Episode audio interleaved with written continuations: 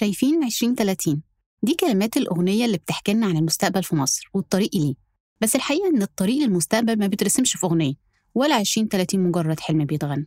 لا 2030 دي رؤية للتنمية المستدامة أطلقتها مصر سنة 2016 عشان تكون بوابة العبور للمستقبل في ظل ظروف دولية هي الأقصى منذ عقود. بس كلمات زي الرؤية والتخطيط للمستقبل غريبة علينا شوية صح؟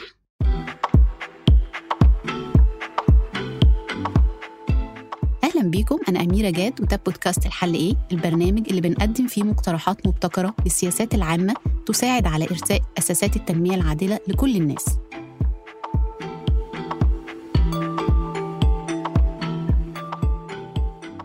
هنحاول ناخدكم معانا في حلقتنا النهارده لرحلة استكشاف رؤية مصر 2030 للتنمية. علشان نعرف شكل المستقبل في مصر هيكون عامل إزاي؟ إيه هي أهداف الرؤية ومحاورها؟ إيه اتنفذ منها وإيه لسه؟ شكل التحديات اللي بتواجهها وكمان إزاي تتحل. ببساطة كده إيه هي رؤية مصر 2030 دي؟ ممكن نقول إنها أجندة تنموية بتعكس خطة الدولة طويلة المدى لتحقيق وتوطين مبادئ وأهداف التنمية المستدامة. بأبعادها الثلاثة الاقتصادية والاجتماعية والبيئية كمان. وعن التعريف الدقيق والمبسط للرؤية بتقول لنا عضو لجنة تحديث الرؤية وأستاذ الاقتصاد بجامعة القاهرة الدكتورة شيرين الشواربي. العالم كان بيتكلم على الأهداف التنمية المستدامة فالتنمية معناها إن أنا أشوف جميع جوانب الحياة فيها تقدم وفيها رفاهة وتحسين في شكل معيشة المواطن في كل أبعادها. دي التنمية والمستدامة معناها إن أنا أضمن ان ما حققلوش دون في بعض السنوات ثم أجد إنه مش قادر يكمل في نفس المستوى. وبالتالي أنا عايزة استمرارية قدرتي على الحفاظ على التحسن اللي بيتحقق ويفضل تحسن مستمر.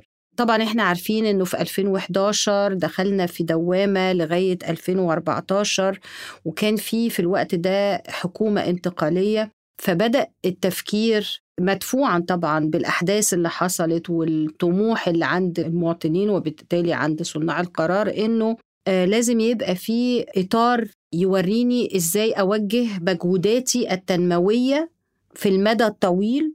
وثيقة رؤية 2030 بتحكي لنا كتير عن شكل المستقبل في مصر والمرهون بتحقيق أهداف بعينها بتتلخص في عدة نقاط. من ضمنها جودة الحياة وتحقيق العدالة والمساواة الاجتماعية والمشاركة وكمان خلق اقتصاد تنافسي قوي إلى جانب تحقيق الاستدامة البيئية والالتزام بمبادئ الحوكمة والشفافية. خلونا نسمع المهندس شريف إسماعيل رئيس وزراء مصر من 2015 وحتى 2018 بيقول إيه عن الأهداف دي.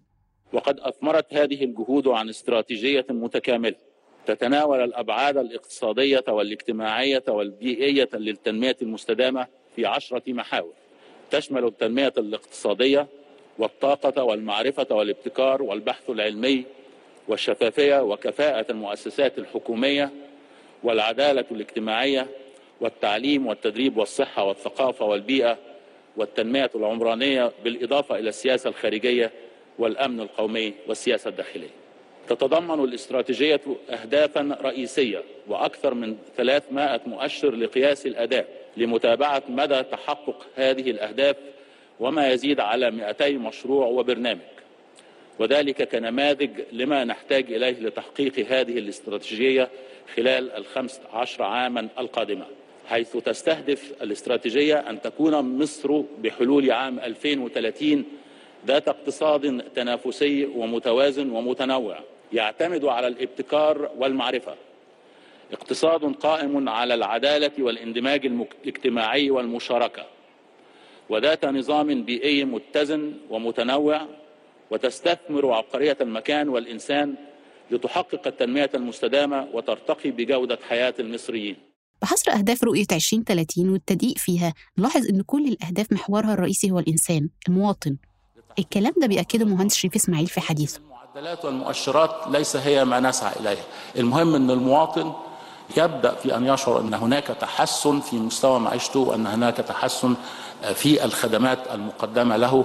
وده إن شاء الله اللي إحنا بنقول إن إحنا هنبدأ نجني هذه الثمار تدريجيا.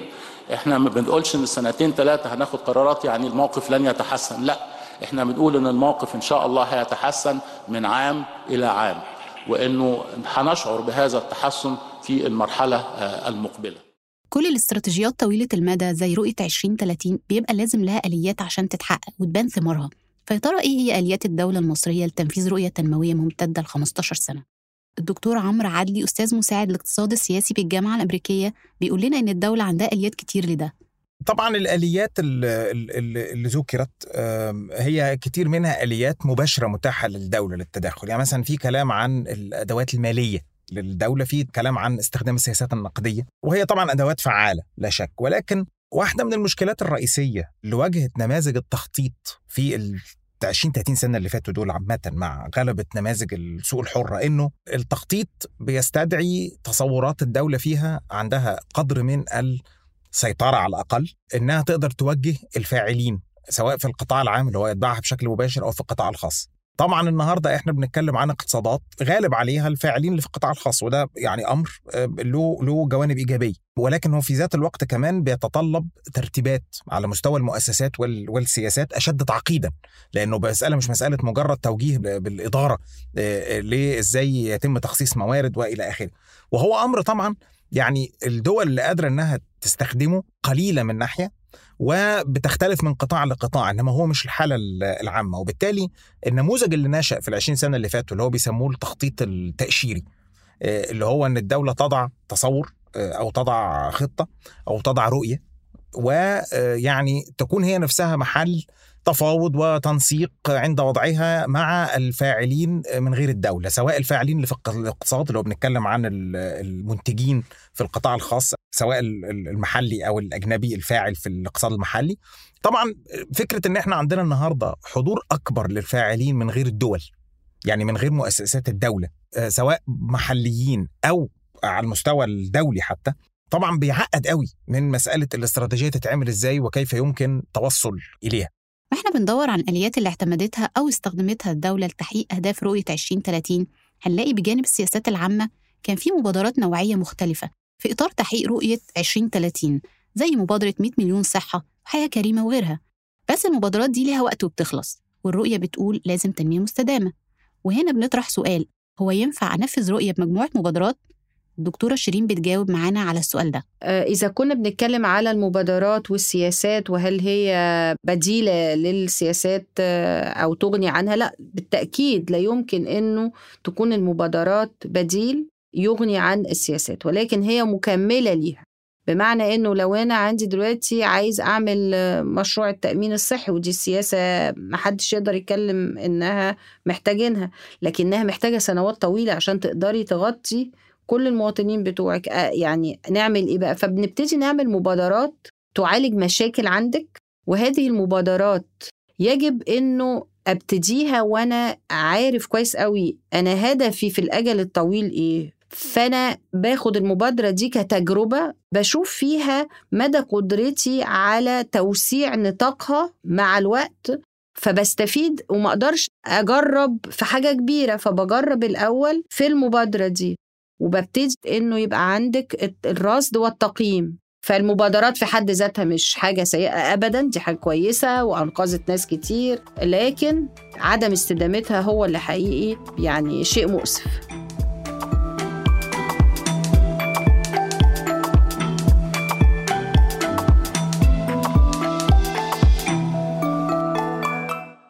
بحلول فبراير الجاي يعني بعد كام شهر كده تكون الرؤية عدى على إطلاقها سبع سنين.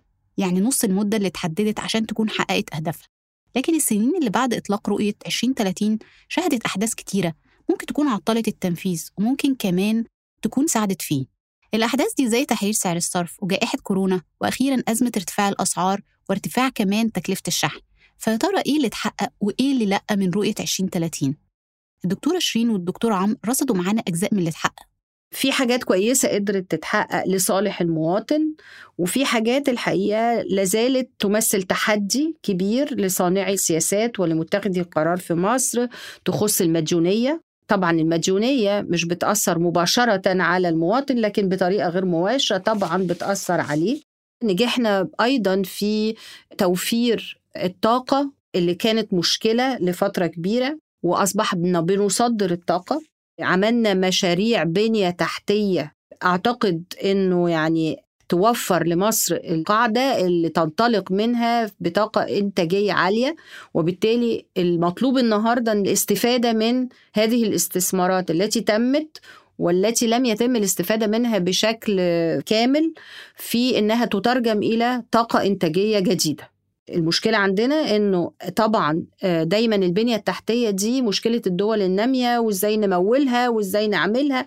لا إحنا انطلقنا فيها واستثمرنا فيها جامد جدا بس الحقيقة لغاية النهاردة ما أعتقدش إنها تم ترجمتها إلى زيادة في الطاقة الإنتاجية من ناحية الصناعة والزراعة والخدمات بشكل واضح. أنا أعتقد أنه مقارنة ب 2016 الاقتصاد المصري طبعا عاود النمو. طبعا الوضع في 2016 كان أسوأ كثيرا على عديد من المؤشرات الاقتصادية. الاقتصاد المصري عاود النمو طبعا بأي شروط اجتماعية واقتصادية هو طبعا محل الجدل كله. ده كان مطلع الكلام يعني هي متماهية جدا مع التصور النيوليبرالي بتاع إنه إعادة توليد النمو ده في حد ذاته هو الأمر الإيجابي الأساسي.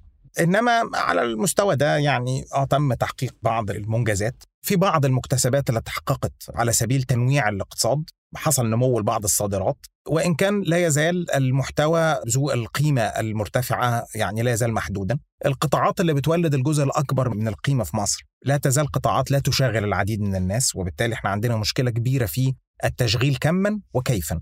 هذه المشكلة لا تزال موجودة لأن هو انخفاض معدلات البطالة مش بالضرورة تؤدي إلى يعني خلق وظائف ذات جودة مرتفعة. هو طبعا ده تحدي أساسي على فكرة دي علاقة بمرحلة اللي إحنا فيها برضه لأن هو مرتبط بمثلا بال automation وبال digitization وبالتكنولوجيات اللي بتوفر قدر كبير من من العمالة أو بتحتاج عمالة في قطاعات ذات يعني مهارات منخفضة جدا وبالتالي ذات عائد شديد الانخفاض زي مثلا السواقة أو زي مثلا نقل الحاجات أو مثلا التحميل والتفريغ والحاجات دي طبعا إحنا عندنا السنتين بتوع كورونا اللي في النص دول طبعا دول سنتين غير طبيعيتين على الإطلاق لا لا لا داخليا ولا عالميا.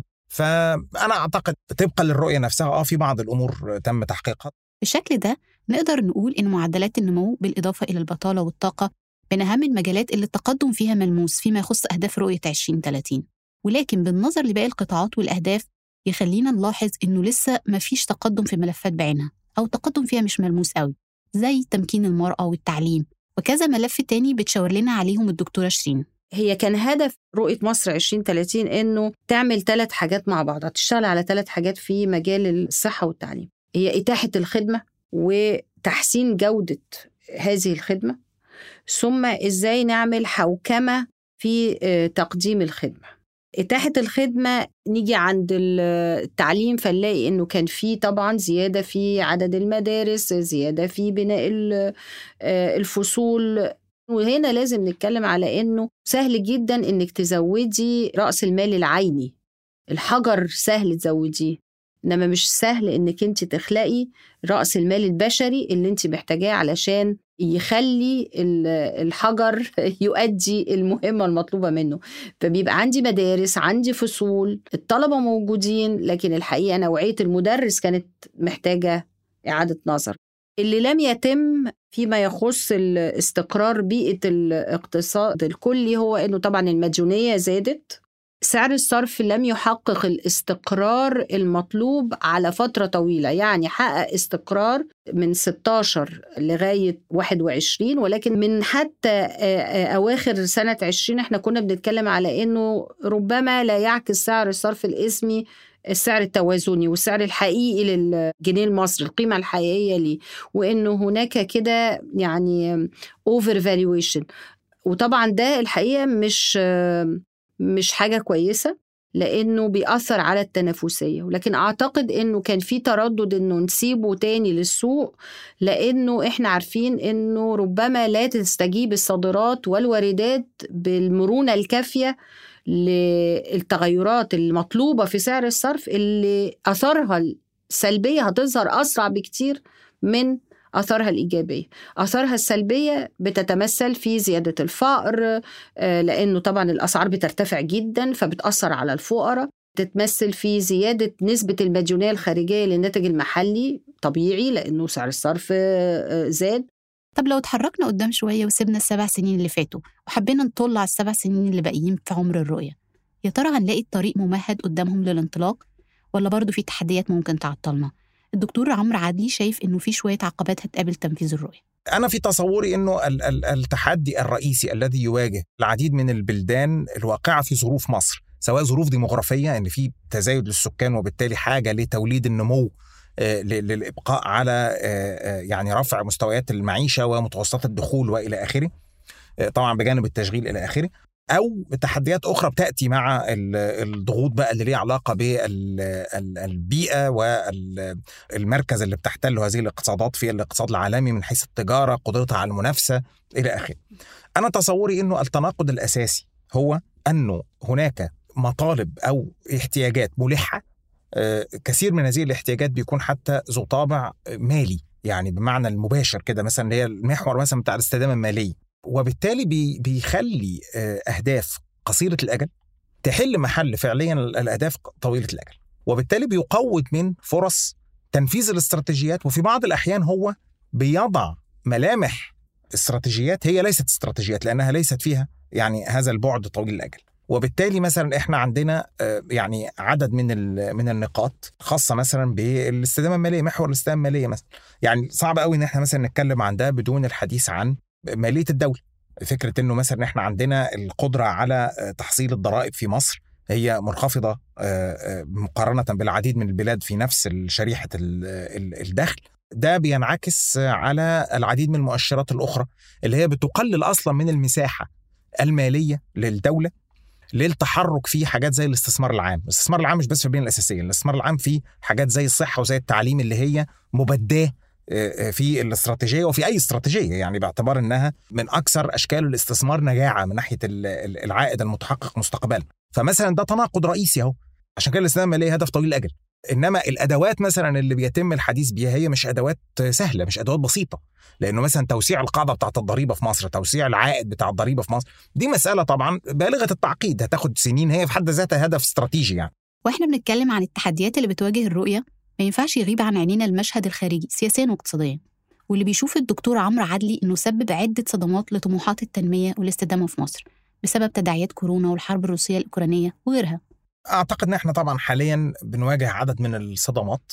الصدمات دي بتستدعي طبعا يعني تعاملات على مستوى السياسات بشكل يعني في الست شهور الجايين في خلال السنة الجاية وإلى آخره. إنما اجمالا التخوف طبعا الأساسي هيكون في تصوري على صعيدين في واحد مرتبط بالحرب اللي في أوروبا إنها تؤثر بشكل طويل الأجل على التجارة العالمية. الحاجة التانية طبعا هي الموضوع اللي هو ملوش علاقة بالحرب بشكل مباشر وإنما اللي هو بدأ مع الضخ المالي والنقدي الكبير اللي حصل للدولار واللي هو بيستدعي النهاردة رفع أسعار الفايدة بشكل كبير جدا.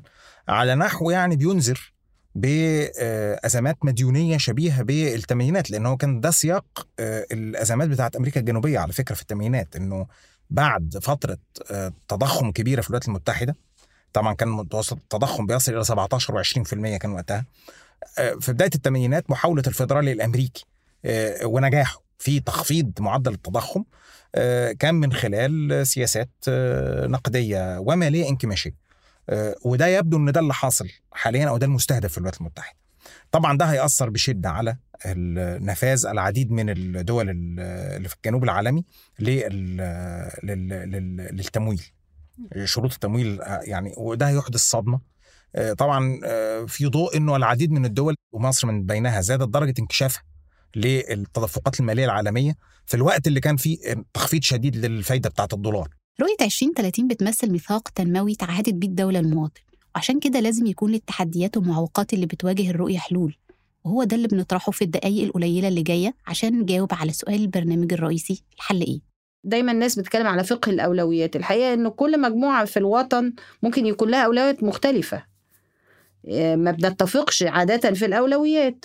فلازم نقعد مع بعض عشان نشوف فعلا الأولويات لل... لل...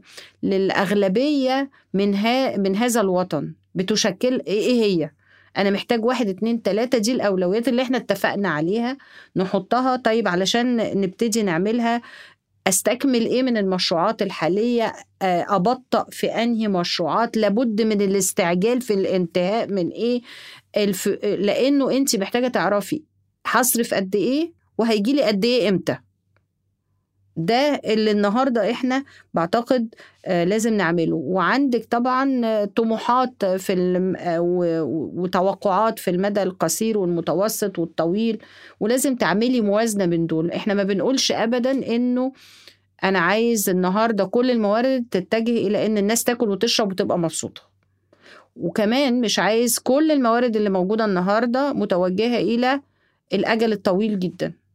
لأنه آه، زي ما كينز قال آه، في الأجل الطويل كلنا أموات. فالبني آدم بطبعه عاوز يشوف آه، أثر وفوائد التضحية اللي بيعملها النهارده بعد يومين ثلاثة فأنا أوري له حاجة بعد يومين حاجة بعد شهرين حاجة بعد سنتين حاجة بعد عشرين سنة. لكن المواءبه دي مهمة جدا والرضا والتوافق بين أطياف المجتمع المختلف ففي الوطن إنه آه، إيه المشروعات آه، اللي لازم نكملها وإيه المشروعات اللي ن- يعني زي ما أنا قلت نبطأ فيها. فأعتقد إنه طبعا آه، تر- إعادة ترتيب الأولويات وارد جدا. طب وإيه راي الدكتور عمرو؟ أنا أعتقد إنه ال- الأهداف المذكوره في الرؤية لا خلاف يعني حولها كلها حاجات كويسة. إنما ال- الفكرة كلها إنه هناك عوائق تحول دون الوصول لهذه الأهداف وبالتالي ال- الحل يكمن في آه، في تصوري ثلاث نقاط أساسية محتاجة تدخل آه، استراتيجي مش تدخل آني هو تدخل يعني يتطلب درجة من التكامل والتناسق آه، والتماسك في ال- الأربع خمس سنين ست سنين الجايين دول. محور منهم هو الاستدامه المالية لا شك سواء في شق مالية الدولة أو في شق ال- الاعتماد على ال- التمويل الخارجي. رقم اثنين تطوير سياسات قطاعية مع النظر بشكل مباشر للمستقبل القريب لتدفقات الاستثمارات الأجنبية والتجارة العالمية. آه، آه، ده ده محور تاني آه، آه، يتطلب ال- ال- النظر إليه بشكل مباشر ويتفرع عنه طبعا على طول ال- ال- المساحة سواء الاستثمارات العامة أو السياسات آه، للتنويع بتاع الاقتصاد. طبعا الثلاثة متداخلين مع بعض إنما أنا في تصوري إن ده هو اللي إحنا محتاجينه كخطة آه، يعني متوسطة الأجل. بكل الطرح اللي فات نكون وصلنا لنهايه حلقتنا النهارده عن رؤية مصر 2030 برأيكم أنتوا إزاي ممكن نشتغل على تحقيق أهداف الاستراتيجية أو بعضها في المدة الزمنية المتبقية؟ نشوفكم قريب في حلقة جديدة وموضوع جديد من بودكاست الحل إيه. كنت معاكم من التقديم والإعداد أميرة جاد ومن التحرير عمر فارس وساهمت في الإنتاج بسنت سمهوت من الهندسة الصوتية يازن قواس بودكاست الحل إيه يأتيكم من حلول السياسات البديلة مشروع بحثي بالجامعة الأمريكية بالقاهرة